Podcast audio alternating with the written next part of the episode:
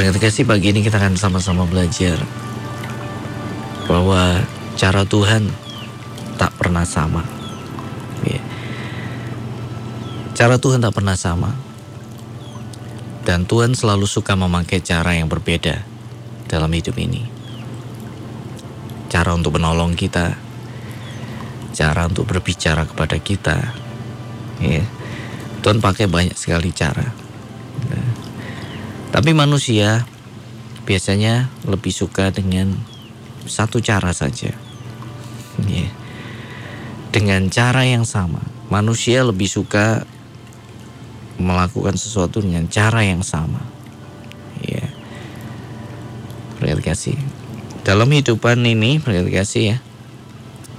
Uh, anda tinggal di mana? Pasti ada orang yang jualan ya.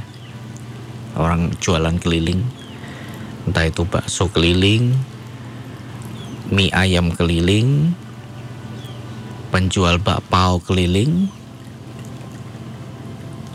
penjual es keliling, penjual apa lagi? penjual getuk keliling, ya, penjual sayur keliling dan masih banyak lagi. Nah,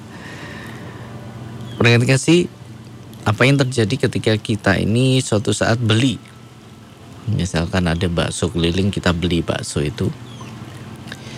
Atau ada penjual bakpao lewat kita beli. Ya. ada penjual es dan kita beli es yang dijual ya. Apa yang terjadi? Setelah kita beli biasanya besoknya dia akan berhenti di depan rumah kita. Ya. Dia akan sedikit menunggu. Ya. Kalau tidak keluar-keluar, biasanya dia akan pukul ya. Bambu yang menghasilkan suara uh, panggilan bakso yang khas ya. TikTok, TikTok, TikTok dan seperti itu. dia akan bunyikan itu. Kalau penjual bakpaunya, dia akan bunyikan uh, belnya. Terserah apa yang dia pakai ya. Tetot tetot mungkin seperti itu ya. Nah harapannya apa? Peringkat kasih dia diam di situ.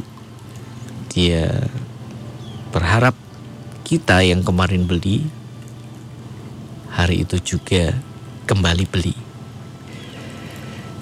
Ya dia berharap orang yang sama akan beli di hari itu. Nah itulah manusia peringkat kasih Padahal juga ya beli kan cuma kemarin, hari ini tidak beli. Kadang kalau cuma ingin saja baru beli ya kan, tidak setiap hari akan beli. Ya.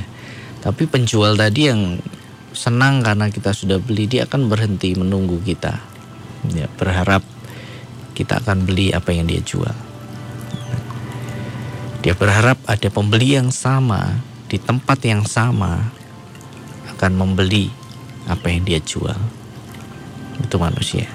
Kalau Anda pergi ke gereja, duduknya berubah-ubah atau tetap di satu tempat duduk. kasih. Ada yang hafal tempat duduknya ya, nyaman dengan tempat duduk di sini. Nanti datang ke gereja lagi di sini. Datang ke gereja lagi di sini. Intinya sama. Manusia suka dengan hal yang sama yang dia lakukan. Apalagi, ya masih banyak lagi. Termasuk cara Tuhan menolong saudara dan saya. Kita sering kali berharap bahwa Tuhan akan menolong kita dengan cara yang sama. Kasih.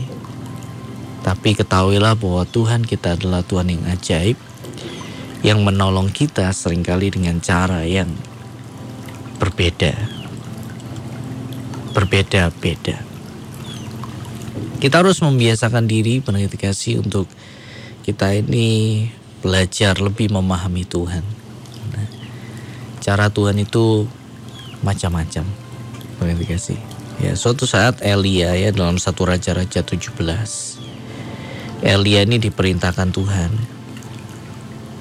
Pergilah dari sini, berjalanlah ke timur, dan bersembunyilah di tempat di tepi sungai Kerit dan di sebelah timur sungai Yordan.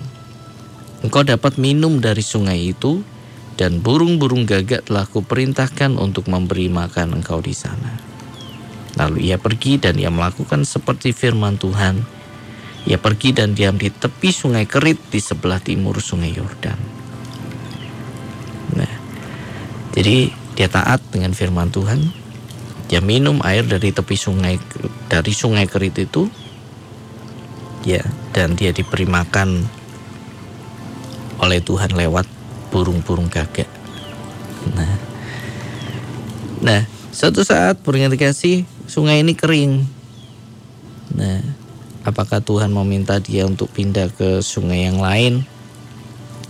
Atau dia Tuhan memerintahkan dia untuk pindah ke uh, tempat lain? Dan nanti ada burung gagak akan memberi dia makan.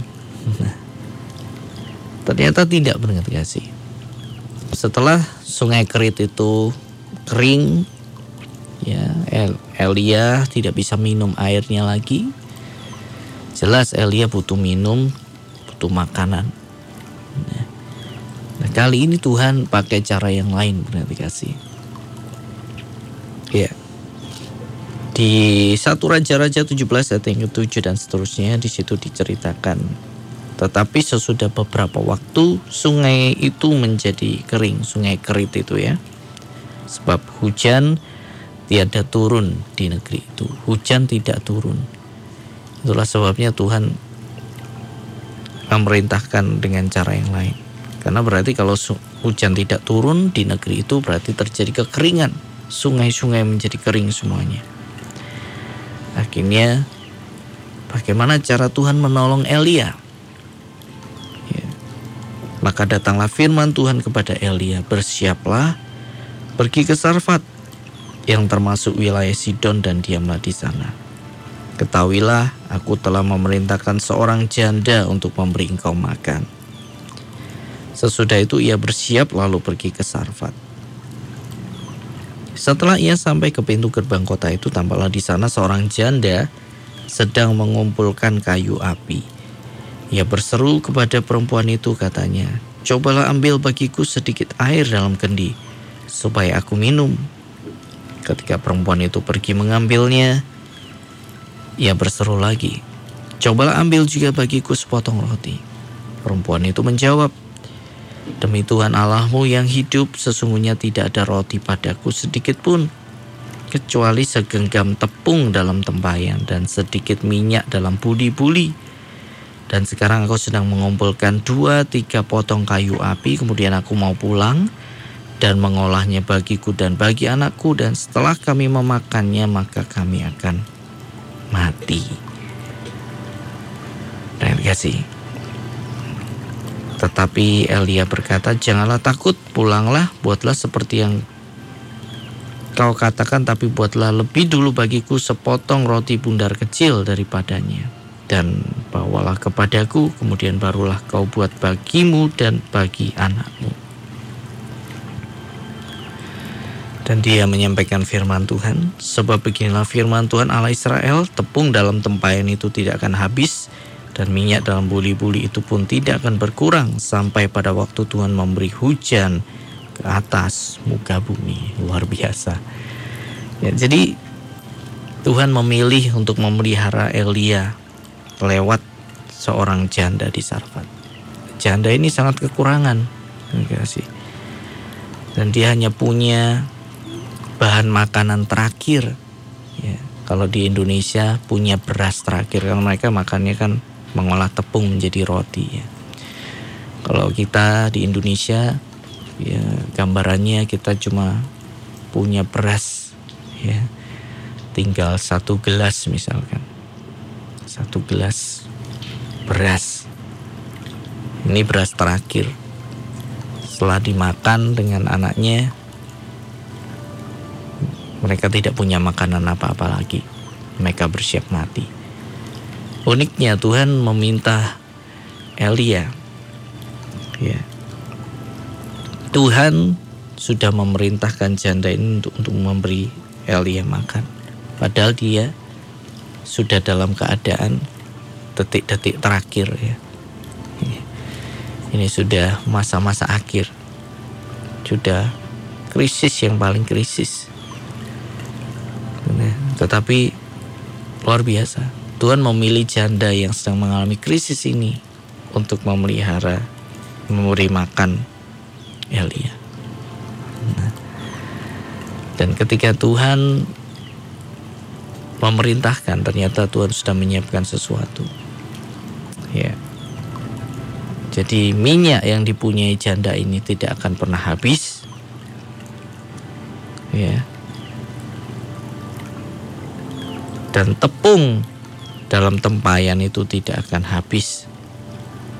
Minyak dalam buli-buli itu tidak akan berkurang sampai Tuhan memberi hujan ke atas muka bumi.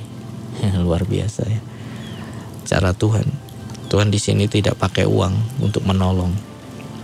Tuhan pakai keajaibannya, berkat kasih. Ya. Dia tidak punya apa-apa. Seringkali kita berpikir bahwa solusi dari setiap masalah hidup ini adalah uang. Tapi di sini kita melihat bahwa Tuhan menolong Elia sekaligus janda ini tanpa uang. Caranya ya tepung itu tidak akan berkurang. Luar biasa ya. Dipakai buat roti, ada lagi. Diambil dibuat roti, ada lagi. Wah luar biasa. Minyaknya juga dibuat mengolah roti, eh, tidak habis. Dipakai lagi tidak habis. Terus seperti itu. Ini.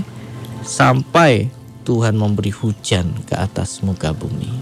Nah ya garis bawahi. Sampai Tuhan memberi hujan ke atas muka bumi. Nah setelah Tuhan menurunkan hujan ya apakah tepung dalam tempayan itu tidak akan habis akan habis tentunya karena Tuhan punya cara yang lain untuk bekerja. Ya, ini hanya berlaku selama masa kekeringan yang luar biasa itu. Jadi minyak dalam buli-buli itu tidak akan habis selama masa kekeringan, tapi setelah hujan turun ke atas bumi, itu tidak berlaku lagi. Tepung itu akan habis kalau dipakai, minyak itu akan habis kalau dipakai. Nah luar biasa pengen kasih. Hari-hari ini kita mau belajar cara Tuhan itu selalu berbeda-beda, bermacam-macam. Kita sering kali berharap cara Tuhan sama. Oh dulu Tuhan tolong saya caranya seperti ini. Saya berharap Tuhan tolong saya hari ini juga dengan cara yang seperti dulu, ya. Seperti dulu. Nah, Tuhan kita adalah Tuhan yang kreatif. Kasih. Dia menolong kita dengan berbagai macam cara. Tuhan kita adalah Tuhan yang ajaib, itu adalah atributnya. Jadi caranya itu luar biasa. Dan sering kali Tuhan menolong tanpa memakai uang. Hari ini apa yang kita butuhkan saat kita menghadapi masalah. Kita butuh uang atau kita butuh Tuhan. Bisa jadi masalah yang Anda hadapi membutuhkan uang. Ya. Kalau ada uang ini pasti selesai masalah ini. Ya. Tetapi yang kita butuhkan sebenarnya adalah Tuhan. Karena Tuhan bisa menolong kita menyelesaikan masalah dalam hidup kita tanpa uang. Itu cara Tuhan yang luar biasa. Terima kasih. Tuhan bisa menolong kita tanpa uang. Ya. Walaupun permasalahan kita adalah permasalahan yang berkaitan dengan ekonomi mungkin. Ya. Tuhan bisa menolong dengan caranya yang luar biasa. Banyak dari kita berpikir bahwa segala sesuatu bisa diselesaikan dengan uang. Tapi kita membutuhkan Tuhan lebih daripada uang dengan kasih. Ya. Kita membutuhkan Tuhan hari-hari ini lebih daripada uang. Ada seorang pria kaya di daerah China. Ya, suatu saat dia menghambur-hamburkan uangnya di jalan sambil berteriak-teriak ke arah sebuah rumah sakit.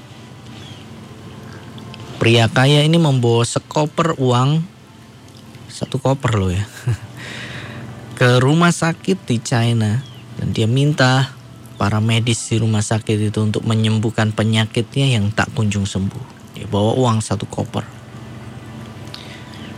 Ya, para medis di rumah sakit itu sudah menyerah dengan penyakit yang diderita pria ini. Pria ini menderita penyakit kanker ganas stadium akhir yang tidak bisa lagi diobati. Karena frustasi akhirnya pria kaya ini membuka kopernya yang berisi uang jutaan yuan. Kemudian dihamburkan ke jalan sambil dia berteriak histeris. Ya berteriaknya histeris. Buat apa ada uang? Uang tidak dapat membeli kesehatan. Uang tidak dapat membeli kehidupan. Dia berteriak-teriak putus asa. Nah, para pejalan kaki juga pengunjung rumah sakit hanya terpaku melihat pria kaya yang sedang frustasi ini. Ya, begitu kasih. Kita lihat di sini bahwa uang bukanlah segalanya. Uang tidak bisa menyelesaikan segalanya. Berarti kasih. Tapi kita butuh Tuhan dalam segala situasi yang kita hadapi. Hmm. Karena itu apa yang Anda butuhkan hari ini? Uang atau Tuhan? Biar kita belajar mengatakan hari ini, saya butuh Engkau Tuhan. Saya butuh Engkau Tuhan. Lebih dari uang. Karena saya percaya Tuhan bisa menolong saya tanpa uang. Itu yang harus kita sadari. Terima kasih. Nah, mari kita belajar hari-hari ini untuk mau ya mengikuti cara Tuhan. Jangan batasi Tuhan untuk bekerja dengan cara kita. Nah, cara Tuhan bicara saja bermacam-macam, apalagi cara Tuhan menolong kita. Cara Tuhan bicara itu macam-macam. Kalau Tuhan mau bicara pada saudara atau saya bisa macam-macam. Bisa lewat firman waktu kita baca Alkitab. Ada sesuatu yang bicara dengan kita begitu kuat. Waktu kita sedang jalan-jalan, kita lihat alam, kita lihat ciptaannya, tiba-tiba dari situ Tuhan bicara dengan kita. Tuhan mengajar kita sesuatu. Ya, waktu kita lihat burung pipit yang selalu berkicau, tidak pernah melamun, terbang di pagi hari, dia tidak punya lumbung, dia tidak punya uang, tapi dia tetap bahagia, ya kan? Ya, burung itu tidak punya uang, tidak bawa dompet, kasih, tapi dia bahagia. Dia tidak punya lumbung, dia tidak punya simpanan apa pun, tapi dia bersuka cita. Dari situ Tuhan bisa bicara langsung ketika kita melihatnya, ya kan? Masa kamu khawatir? Masa kamu kalah dengan burung pipit ini, ya? Kan? Nah, Tuhan juga bicara bisa bicara lewat saudara seiman yang datang pada kita. Tuhan bisa bicara lewat dia. Tuhan bisa bicara lewat musik yang kita dengarkan. Seperti yang kita dengar ya di setiap pagi Tuhan bisa bicara lewat situasi peristiwa yang sedang kita alami atau kita lihat. Tuhan juga bisa bicara langsung ya lewat rohnya. Ada orang yang dikaruniai penglihatan. Dia bisa melihat sesuatu. Itu cara Tuhan bicara pada dia. Ada orang yang dipercaya untuk bisa mendengar suara Tuhan secara langsung. Terdengar suaranya. Suara Roh Kudus itu terdengar. Ada orang yang dipercaya Tuhan melihat gambaran-gambaran. Nah, itu cara Tuhan berbicara secara unik kepada tiap-tiap pribadi. Itu baru cara bicara Tuhan. Nah, cara menolongnya pun ada berbagai macam cara. Nah, terima kasih ya. Ada berbagai macam cara. Dan sering kali Tuhan menolong tanpa uang. Kalau Anda lihat di dalam kisah-kisah ini, kasih luar biasa. Nah, jadi mari hari ini kita tidak menginginkan Tuhan menolong kita dengan cara yang sama lagi. Biarkan Tuhan bekerja dengan caranya, jangan batasi Tuhan. Biarkan dia bekerja dan kita akan lihat betapa ajaibnya Tuhan. Ya. Saya tutup dengan satu ilustrasi ya. Suatu ketika ada seorang pemuda yang terperangkap di atas atap rumahnya karena sebuah bencana banjir yang luar biasa. Tidak lama kemudian seorang tetangga yang sedang menaiki sebuah perahu dayung lewat. Dia berteriak kepada pemuda itu, ayo cepat naik, perahu ini masih muat, ayo cepat. Sang pemuda membalas, tidak apa-apa, saya sudah berdoa kepada Tuhan dan ia akan menolong saya. Sang tetangga pun mendayung perahunya dan pergi. Kemudian datang seorang lagi menggunakan jet ski ya. Jadi sepeda motor air. Ayo ikutlah denganku, kita harus cepat pergi dari sini. Ya. Sang pemuda membalas, tidak apa-apa. Saya telah berdoa kepada Tuhan dan ia akan menolong saya. Orang dengan jet ski itu pun pergi. Setelah itu datang tim penyelamat dengan menggunakan sebuah helikopter. Ayo naik, tempat ini sudah hampir tenggelam. Dan sekali lagi sang pemuda membalas, tidak apa-apa. Saya telah berdoa kepada Tuhan dan ia akan menolong saya. Dan tim penyelamat itu pun pergi. Beberapa jam kemudian air itu naik hingga melebihi atap rumah sang pemuda. Pemuda itu tenggelam dan akhirnya meninggal. Dan setelah ia meninggal, ia bertemu dengan Tuhan. Ia kemudian bertanya kepada Tuhan, Aku punya iman bahwa engkau akan menyelamatkanku. Tapi hingga akhir hidupku, engkau tidak menyelamatkanku dan membiarkanku tenggelam. Kenapa Tuhan? Tuhan menjawab, aku telah mengirimkan perahu dayung, jet ski, dan helikopter untuk menyelamatkanmu. Apalagi yang kau harapkan? ya kan? Luar biasa. Terima kasih. Jadi dia berharap Tuhan sendiri yang menolong dengan cara cara berpikirnya. Ya. Padahal Tuhan sudah kirimkan perahu dayung waktu dia berdoa. Tuhan sudah kirimkan jet ski, sepeda motor air untuk dia bisa selamat dari banjir itu. Tuhan sudah kirimkan helikopter tapi dia menolak karena dia mau Tuhan bekerja menurut caranya, menurut apa yang ada di pikirannya. ya, berarti kasih. Mari sadari cara-cara Tuhan yang luar biasa untuk menolong kita. Hari ini bisa jadi kita butuh banyak hal. Ingat bahwa uang tidak bisa menyelesaikan segalanya. Uang tidak bisa menyelesaikan segalanya. Ada sakit penyakit yang tidak bisa diselesaikan dengan uang. Ada masalah yang tidak bisa diselesaikan dengan uang.